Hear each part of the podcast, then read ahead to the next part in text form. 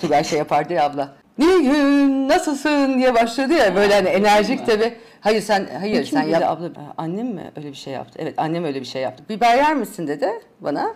Ben de ye, anne yemiyorum bilmiyor musun? Aa falan diye şaşırdı. Şimdi bunu aynısını yap dedim anneme ki hani çekelim. Hani şaşının üstüne gideceğim. Daha biber yer misin dedi bana. Anne dedim. Aa yapıyor. hani aa demesi gerekiyor ya ama bugün ablam geldi de uzun zamandır video çekmiyorsun neden çekmiyorsun dedi. Aman inancımı yitirdim artık hiçbir şey düşündüğümüz gibi değil dedim. Çek dedi çekeceğim dedim. O zaman dinleyeceksin sen de benimle birlikte yaşadıklarımı. Beni farklı biliyor insanlar sosyal biliyor. Aslında çok içe kapalı. Ablam aslında daha sosyaldir neşelidir. O böyle hani bayramlarda akraba ziyaretine koşarak giden ablam da fırfırlı eteklerini giyip ben böyle evde oturup kitap okumak istiyordum değil mi? Hani zorla zorla gö- zorla götürülürdüm. Hatta böyle bu çocukta bir tuhaflık var yazık kitap okuyor falan derlerdi. Yani ablam böyle şen şakrak geziyor bayramlarda kadayıflar yiyor falan. Ben ama evde oturup kitap okumak istediğim için bu çocukta bir tuhaflık var denen çocuk bendim. Öyledir. Farklı iyi bir şey de olsan, iyi bir şeyde de farklı olsan deli biliniyor gerçekten.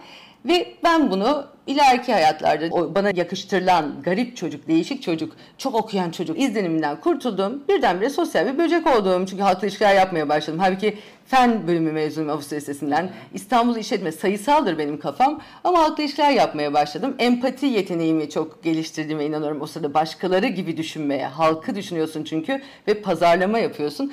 Bunları düşünürken psikolojiye de ilgim oldu. Yani psikoloji, sosyal medya da YouTube kanalı açtım. Şimdi psikolojide ilgileneyim diye başlayan bir şey değil bende. bende. Sonra, Sonra anladım ki ben psikolog ya da psikiyatrist olamam. Onlar teşhis koysa bile söylemiyor. Değil mi? Söylemiyorlar asla.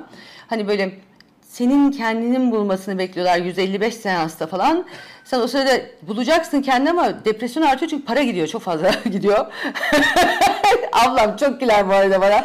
Zaten dedi ki yok sesli güler aşk, aşk olsun ya sanki Ee, dersin. O yüzden böyle sürekli ne diyordum ki bak unutuyorum seni gülmenden. Sürekli para hani. Ha, işte o yüzden depresyon artıyor falan tamam mı? Hani böyle gidiyorsun 155 seans acaba bende ne var? Kendim bulman gerekiyor galiba. Bak bunu bilmiyorum bu arada. Çünkü o meslekten değilim.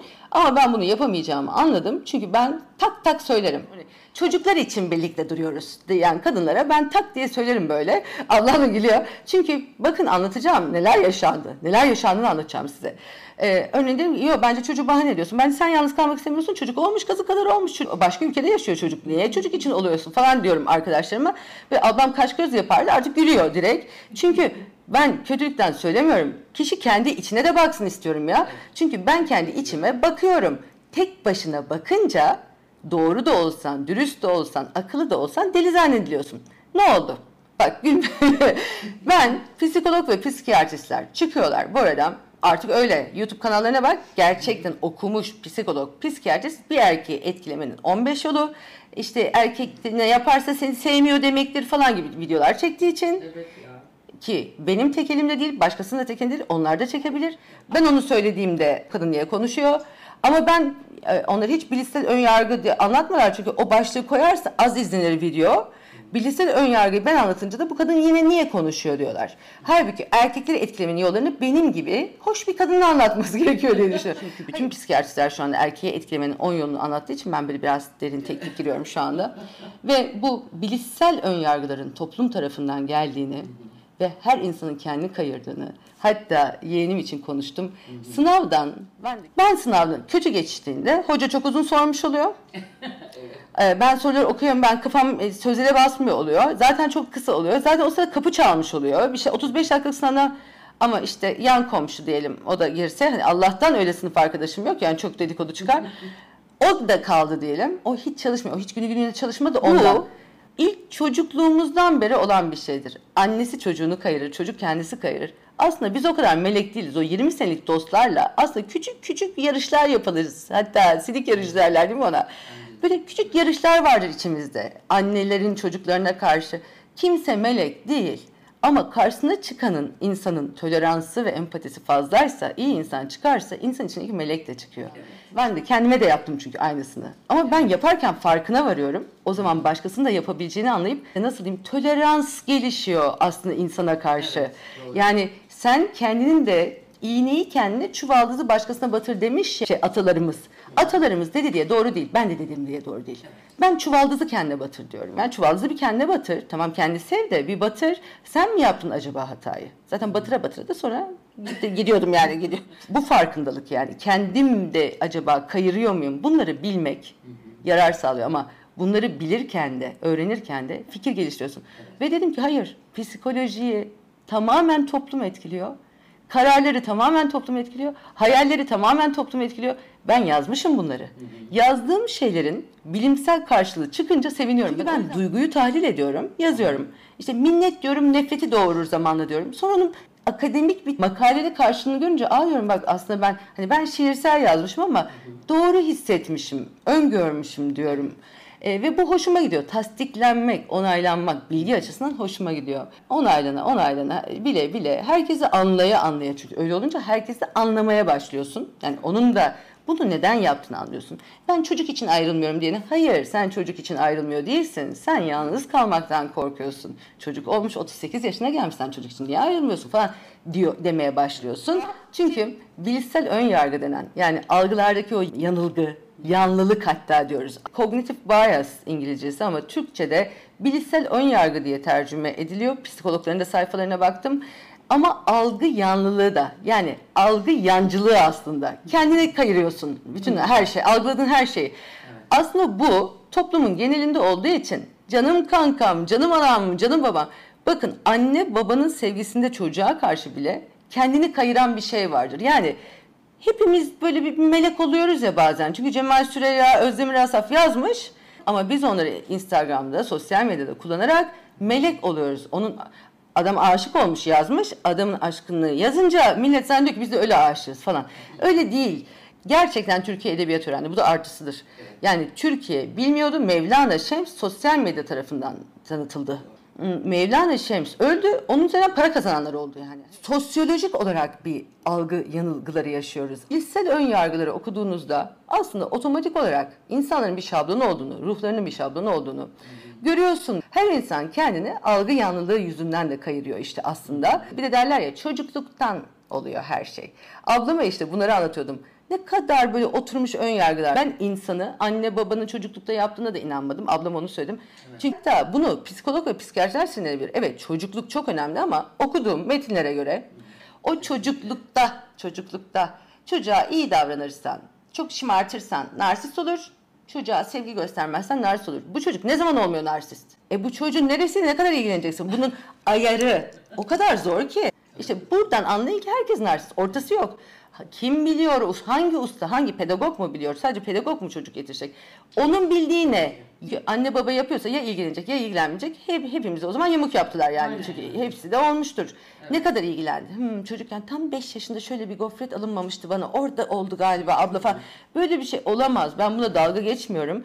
Evet çok önemli diyorlar çocukluk ama ben parupak tatlı bir çocuktum bozan şey çocukluktan ziyade ben anneme hep derim ben küçükken gerçekten anne bana söyler mi bana birisi sarkıntılık mı etti? Hani bu psikoloji bu kadar bozulmuş olamaz derim bazen. Ya da şey Truman Show'daki gibi Jim Carrey'nin filminde anne diyorum paraya sıkıştığınızda beni bir yönetmene mi sattınız? Yönetmen söyleyin Allah aşkına söyleyin vallahi diyorum filmi bozmayacağım ama bazen kamera şakası gibi geliyor. Yani burada olan biteni anlamıyorum anneciğim diyorum falan. Ee, annem Truman Show'u bilmiyordu ona filmi de anlatmak zorunda kaldım sonra oturup izledik. Yani o yönetmeni beni satmadığını filmin sonunda söyledi. Yani öyle bir yönetmeni satmamış ama filmi sevdi. Gerçekten hayatım bazen elime tutuşturulmuş ve kaçılmış gibi geliyor. Dramatik çocukluklardan bahsetmiyorum. Hep söyledim sana. Böyle orta kararız ya biz. Her Türk ailesi gibi. Onlarda da var psikopat. Hani ay onların da canım, meşhurlaştırıyoruz ya sevdiğimiz adamı. Evet. Onun da çocuklukta çok zor geçirmiş. İşte annesi onu işte hep çalışmış annesi hiç bakmamış. Yani çalışan kariyerli kadın olmayınca da sorun var çürütebilir. Psikologlar deney grubu oluştursunlar. Ben o sırada evde çay içiyor olacağım. Çünkü gerçekten hani linç falan onlar da aşılanıyor ya insan. Umurumda değil. Çünkü bu çocuklarla çocukken çok ilgilenmemek gerekiyor ya da çok şımartmamak gerekiyor ya da işte ilgisiz bırakırsan da bir şey oluyor. Hani bu çocuklarla ne kadar onun adı ne yani onun hani özgüvenle fazlası vermeyeceksin çocuğa ama güvensiz değil. Çok zor kardeşim. Çünkü ideal ayar ne? Hani Zaten onu psikolog psikiyatr de bilmiyor. Çünkü her şey hala araştırılıyor. Dört tane deneyi koyuyorlar. Ona bir şey yapıyor. Bu da böyleymiş. Yumurtadan özür dilediler. Üç açılı diş fırçamız var artık. Hani sonra tek- tekrar tek açıya döndü onlar. Neden bilmiyorum. Bir kesin bir şey var. Bir, bir halt var söylemiyorlar. bir, neden bu kadar psikolojiyle ilgilisin? Deli misin? Yani kadın psikolojiyle kafayı bozmuş. Keşke siz de bozaydınız. Ben bozmazdım o zaman. Çünkü yani bilim bile, bilim ilimdir yani değil mi? Hani ona güvenirim. Ama bilime bile güvenemiyoruz ki. Çünkü ondan da özür diliyoruz değil mi? Yani bilim sayılar verir, bize araştırmalar verir, testler yapılıyor falan.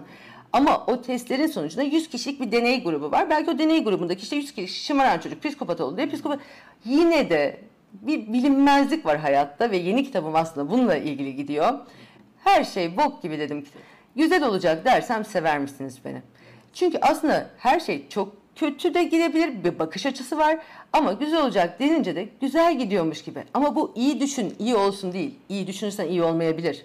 Ama o olup olmayana kadar o süreci güzel geçirsin. Doğru bildiğimiz yanlışlarla başlıyor benim kitabım. Tabii daha edebi anlattım orada ama bütün dedim ablama aslında kitabın özetinde oturup onları teknik olarak vermeyeceğim. Makale yazarları kitaplar çıkarıyorlar versinler. Hiç kimsenin tek elinde değildir edebiyat. Ben maske yapıyordum. Maske yani yüzme kahve sürüyorum. Sen kimsin de o maskeyi yapıyorsun? Maske okulu yok. Kahve telvesinden maske yapma üniversitesi olsa gideceğim. Çok etiyim. Yok. Psikolog ve psikiyatrist psikolojiyi biliyor diye insanı çok iyi tanıyor demek değildir. Çünkü o konuyu bilir ama empati başka bir şeydir, kişiseldir ve her kişinin de halkla ilişkiler yaparken ben derdim ki her meslekte halkla ilişkiler vardır aslında. İliş, iletişim. E, psikoloji benim içimde böyle bünyemde böyle diyor ya Cem Yılmaz içimizde içimde olan bir şeyi konuşma hakkım vardır herhalde. Teknik konuşmak istiyorsam da bazen sebebi çok fazla araştırmamdandır. Derin düşünmek ve farkındalık aslında hiçbir işe yaramıyor diyordum ama sanırım kendini tanımasına çok yardımcı oluyor. Düşünmeyi seviyorum. Düşünmeyi çok seviyorum. Çok kişi hakkında da bana bilgi veriyor. Hayat hakkında da veriyor. Tek başına onları bilince yalnızlık başlıyor. Ama seninle birlikte bunları düşünmeyenler yavaş yavaş eleniyor. Bu arada onu da hep söyledim. Eski diye 20 senelik arkadaşım.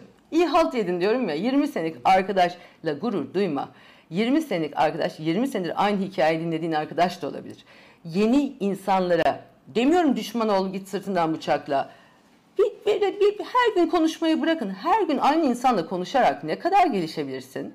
Bu sene yani bir, evet yani bizzat dolandırıldım, bizzat aşk acısı çektim, bizzat bilmem ne hepsi üst üste geldi. Neyse arkadaşlarım var dedim. Arkadaşlarımla gittim. Resmen çığlık attım. Esin hiç böyle yardım istemezdim. Ya benim başıma bir şeyler geldi anlatmak istiyorum diye dediğim benden önce ağladı. Benden önce derdini anlattı. Yemin ediyorum hayatımda tanıdığım 3-4 tane arkadaş psikolog da vardı. Onların da derdi benden büyüktü. Ve ben gerçekten yani keşke güvenmeseydim yapmasaydım cevaplarıyla sindim. Dedim ki zaten keşke güvenmesen yapmasan boş ver. Kötü düşününce de aşkta da arkadaşta da hep kötüyü düşününce de iyileşiyorum zannettim. Ama baktım benim gibi güvenmeyi seven insan güvenmek istiyor hayata. Çünkü gerçekten çıkamıyorum dışarı. Pandemi bitse çıkamayacağım onu anladım. E, Evde kendi kendime yemek yemeden genişlemeye başladım yani böyle şey gibi çizgi film karakteri gibi genişlemeye başladım. Hayattaki her şeyden uzaklaşmak istedim. Sosyal medyadan uzaklaştım iki ay. Hani kimsenin ruhu duymaz dedim. Duymadı zaten ama bir başkalarının duydu ki sahte hesap açtılar. Yani yeni Nilgüncükler çıktı ortaya. Onlar daha neşeli benden kabul edemezdim. Ablama dedim ki şöyle yapacağım. Hayatım boyunca çalıştım. Çalışmayacağım, yazmayacağım da. Yani yazdım ama kitap da olmayacak. Yayın evimi de bırakıyorum. Bu dünyaya kitap da yazmayacağım. Bu Türkiye'ye bunu da yapmayacağım. Bunlar başlıyor. Ne olacak bu memleketin hali? İşte bu psikolojik terörler yaratılıyor falan.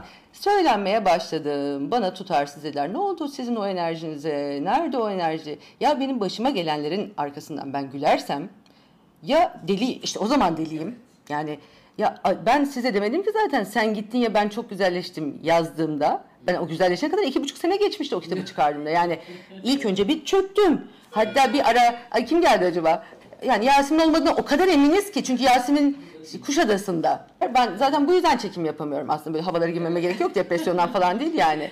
Cami Ay kuçularımda cami var, müezzin var, iki tane iki ayrı cami var, iki Evet. ayrı müezzin apayrı telden söylüyorlar. Ay Lükama bak yalnız mı kaldın? Sen gittin ya ben çok güzelleştim çıktı. Zannettiler ki o gitti ben o gün güzelleştim. Bir de eskisini bilmiyorsunuz ki yani. Bu bir cümleydi ve çok güçlüsün çok güçlüsün. Ulan ben güçlü değilim değilim değilim durun ya ben acayip duygusal biriyim. Acayip korkunç aşk acısı çekiyorum. Alıştığım hiçbir şeyden Alışkanlıklarından ayrılmak istemiyorum. Vazgeçemiyorum ama ben şunu biliyorum. Yani bu da aşılanmakla alakalı, yaşla alakalı ve insanlar bana yapıştırdığı güçlü sıfatını var ya sevdiğimiz sıfatları alırız, kendimiz yaparız. Kendi yani kim kim olduğumuzu zaten bilmiyoruz. Her sıfatız. Karşımıza çıkana göre şekilleniyoruz. Hayata olumlu bakmak değildi bizim yaşadığımız. Annemizin öğretileri yüzünden nasıl olsa her şey bir güzel, güzel olacak. İyiler karşını görecek. Yani Yeşilçam, Hulusi Kentmen, Adem Naşit. Biz onlarla büyüdüğümüz için galiba bir inancımız çoktur bizim. Hani her şey yoluna girecek her şey. Hani girmiyorsa da girmesin artık dediğim bir yaştayım. Yani e, bir de o da var yani yaşlar, yıllar da var. Ön yargı aslında. Bizim ailemizde pozitif ön yargı vardır. Bir insan karşınıza çıkar, hafifçe bir gülümserse melektir o. Ama ön yargı negatif bir şeydir normalde. Diğer insanlarda da tanımadan etmeden kötüyü düşünmek var.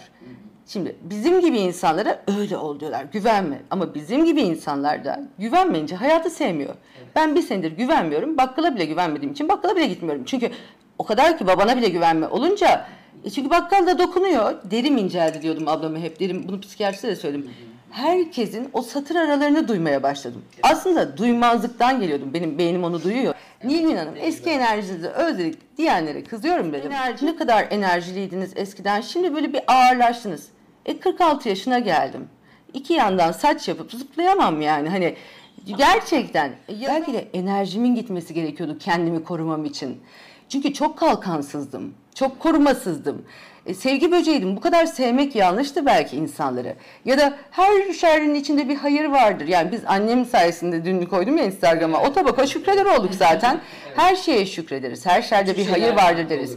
Ama ben her şerde bir hayır olmadığını aslında bilirim de onu da aslında hep böyle dediklerim yanlış anlaşıldı gibi geliyor. Derim ki sonuca etkisi olmuyor böyle düşünmenin ama süreci yaşanılabilir kılıyor. Yani biraz mucizelere çok inanmayan aslında çok radikal bir insanım. Çünkü Nilgün Hanım'a bakıp yorum yapabilecek kadar Nilgün Hanım'ı inceliyorsanız aslında insanın yapması gereken şey kendini incelemesi. Bu pandemide çok çok çok insanla muhatap oldum. Nasıl oldum? Çalışırken iş çevresi işte hostes, pilot hani öyle. Pilota gıyaben tanıyoruz sesinden. Hani böyle böyle zamanlar geçirdim çalışırken. Bir koşturma iyiyi kötüyü ayırt edecek. Yani bana kazık atılsa görecek zamanım yok. Beni birisi görüp kazık atacak zamanı yok. Ama evde otururken lamba gibi ben hiçbir şey bilmiyormuşum diye ağladım geçen sene. Hiçbir şey bilmiyormuşum. Hiçbir şey bilmiyormuşum diye ağlarken üniversiteye girdim. O da konuşayım diye. Ben çünkü kadın olduğum için işte maske falan yaptığım için böyle İlber Ortaylı gibi çıkıp toplum nereye gidiyor azizim yapamıyorum. Çünkü hani sen kimsin ki be diyorlar yani 8 tane yabancı dil bilsen de sen kimsin ki be diyecekler. Sonra işte üniversiteye yazıldım. Çünkü hakkım olsun konuşmaya Konuşmaya hakkı olan ya da güzel konuşabilen ya da güzel şeyler söyleyen insan kendisi yapabiliyor anlamına gelmez. Şöyle bazen spor hocaları görürüz. Kilo almıştır. Bir dönemi vardır. Kilo almıştır. Ama o adamın spor hocalığı yapamayacağı anlamına da gelmez. Yani bir kişi gastroenterolog ülser olabilir. Onkolog kanser olabilir. Bunun kötü bir onkolog olduğunu göstermez. Ben motivasyon konuşmacısı olarak ilan edildim. Ben de yapmadım. Çünkü ben yazmayı seviyordum ama bir baktım konuşabiliyorum. İnsanların bir kere konuşanı, anlatanı, düşüneni ve yazanı bunları uyguluyor sanması çok yanlış. Çünkü ben sağlıklı yaşam hakkında çok şey bilirim, spor hakkında çok şey bilirim. Bilirim, bilirim de yapamam. Hani bazen de hep diyorum ya ben konuşuyorum. Konuşuyorum da yapabiliyor muyum? Yap Nilgün kendi, kendi videomu izleyip kendime gaz veriyorum. Başka gaz veren yok gibi. Anlatanı anlatmayı tercih etti diye. Hele şu anda televizyonlarda, kanallarda Korhan Abay değiliz yani bize şans verilmiyor. Herkes kendi kanalını açabilir ve konuşabilir. Ve birazcık da ciddi konuşuyorsa, ikna edici konuşuyorsa da herkes onun konuşmaya hakkı vardır zannedebilir. Ve herkesin konuşmaya hakkı vardır ama yanlış bilgi vermeye kimsenin hakkı yoktur değil mi? Bence demek çok önemlidir. Ben hep böyle bence derim. Benim başıma böyle geldi, böyle biliyorum derim. Arkadaştan, arkadaş kullanmıyorum artık derim. Hayat bunu bana böyle öğretti diyorum. Arkadaşlar kötü, herkes arkadaşlarına ayrılsın demiyorum. Bir ara arkadaşlık çok güzel bir şey, herkes arkadaşlarına sarılsın da diyebilirim. Tutarsızlık da var bende. Ve insanlar bazı şeyleri yanlış biliyorlar dedim ablama. Örneğin tutarsızlık ne kadar güzel bir kelimedir. Bir insan sürekli tutarlıysa aynı şeyi düşünüyor demektir, aynı şeyi yapıyor demektir. Hatta Fatih Altaylı bana demişti, hatırlıyor musun? Ne kadar tutarsız. Bir sayfada işte intikam almayı düşünmüşsün, öbür sayfada intikam evet, almamayı düşünmüşsün. Şimdi o kitap iki sene içinde yazılmış bir kitap. E bir sabah kalkıyorsun hava çok güzel, harika, hayat çok güzel diyorsun. Kuşlar, böcekler, çiçekler. Ertesi sabah kalkıyorsun lanet olsun hayatın içine diyorsun. Aslında tutarsızlık insanların fikirlerinin de değişmesine sebebiyet veriyor ya. 4 sene önceki videolarımı montajlarken aslında birazcık da ablamla konu buradan açıldı. Ben ne kadar değişmiş. Bu sene o kadar çok ablam sayesinde. Bahçe, bütün arkadaş çevrem bitti. Yemin ediyorum hiçbirine bir şey yapmadım. Yok oldular, yok oldular, yok oldular. Puf, böyle hani bir keşke böyle adlı adınca güzel bir kavgalar etseydik değil mi? Ama o kavgaları da edemem. Örneğin çok öfke ve nefret dolu hissettim kendimi. Ama sonra anladım ki öfke kontrol sorunu olan insanlar bir şeyleri böyle fırlatıyorlar, bir şeyler yapıyorlar, çılgın. Ve ben bir şey bile fırlatamıyorum yere. Bir bardak attım mı atmadım. Bir telefon kırdım mı kırmadım. Neden? Çünkü onları ben topluyorum. Akıllıyım. Yani kırsam onu ben topluyorum sonra onu yerden. Yani camı kırdım diyelim bir bardak fırlattım. O bardağı beğenip almışımdır zaten mutlaka ben almışımdır zaten kim alacak bana. Ondan sonra onu ben atarım. Hem bardak takım bozulur hem onları bunları bu yüzden öfkelenemiyorum herhalde ben. Tam olarak yani bardağı kırıp atamayacağım için öfkelenemiyorum. Ve bütün bu cinayet belgeselleri izledim bir sene boyunca. Neden izlediğimi de yeni buldum. Ablama dedim ki çok yakın arkadaşları sırtından bıçaklıyor. 20 senelik kocası kadını para için öldürüyor. Ne yapıyordu bana biliyor musunuz işte aslında başkasının derdinin benden büyük olduğunu görüyordum çünkü ben, ben de işte sırtımdan bıçaklanmış gibiyim ama onlar gerçekten bıçaklıyorlar yani e, şeylerde cinayetlerde. Ted Bundy mi? Ted Bundy 36 kişi öldürmüş işte komşularını öldürmüş şunu yapmış bunu yapmış. Allah'a çok şükür işte o, öyle bir arkadaşım olmadı diyorum çünkü yani Ted Bundy bir boy kötüsü Ted Bundy öyle arkadaşlar gördüm. Aa, bir baktım insan kendini kayırıyor işte. İyileşmek için izliyorum. Hani cinayet e, belgeselleri izlediğimde hani ablam falan bile birkaç arkadaşım çünkü derler ki delirdi mi? Ki zaten belgesel izlemem gerek. Yani kadın psikolojide kafayı bozmuş. Keşke siz de bozaydınız. Ben bozmazdım o zaman. Çünkü değil mi? Hayır bir şey öğrenmek de değil. Ben başkalarına yardımcı olmak gibi bir derdim yoktu ki o da bir misyon olabilir. Ki o da gel- gelişti bende zaman içerisinde. Bak zaman içerisinde daha az bencil olmaya başladım. Daha toplumsal. Topluma örneksen eğer bir şekilde hani öyle addedildiysen ben hiç örnek olmak istememiştim yani öyle bir derdim yoktu. Mümkünse asfalt rengine boyanayım sürüneyim. Çünkü ablam da bilir ki ben dikkat çekmeyi, sosyalliği sevmem. Ne yaptım? Ablam sayesinde oldu. Her şey ablamla başladı. Onu söyleyeyim de. Yani gülmedi hiç. Şimdi bazen de böyle derdim anlatırken şey diyor. Pardon gülüyorum da Nilgün yapıyor ya.